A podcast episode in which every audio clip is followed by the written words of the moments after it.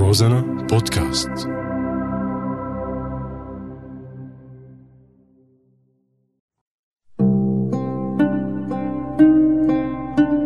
بعدك على بالي.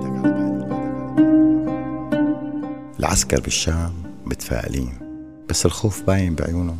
مطمنين من انه القيادة الحكيمة الروسية رح تسلمهم المناطق الخارجة عن سيطرتهم على الأرض والضباط الروس وعدوهم وعدوهم ها.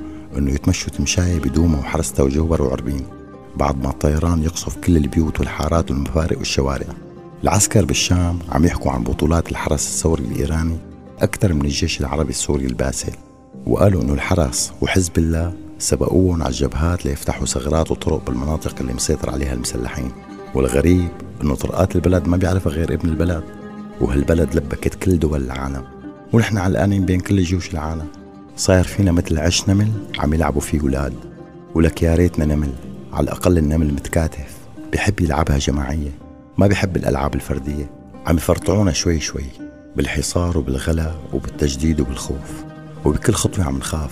وما رح عمي بعرفك بتكره التعميم. بس يا أخي أنا وكتار مثل حكايتي بكل خطوة عم يخافوا. عم يخافوا من الجيش الباسل ومن الحرس الثوري ومن حزب الله ومن القيادة الحكيمة الروسية. وبعدك على بالي بعدك على بالي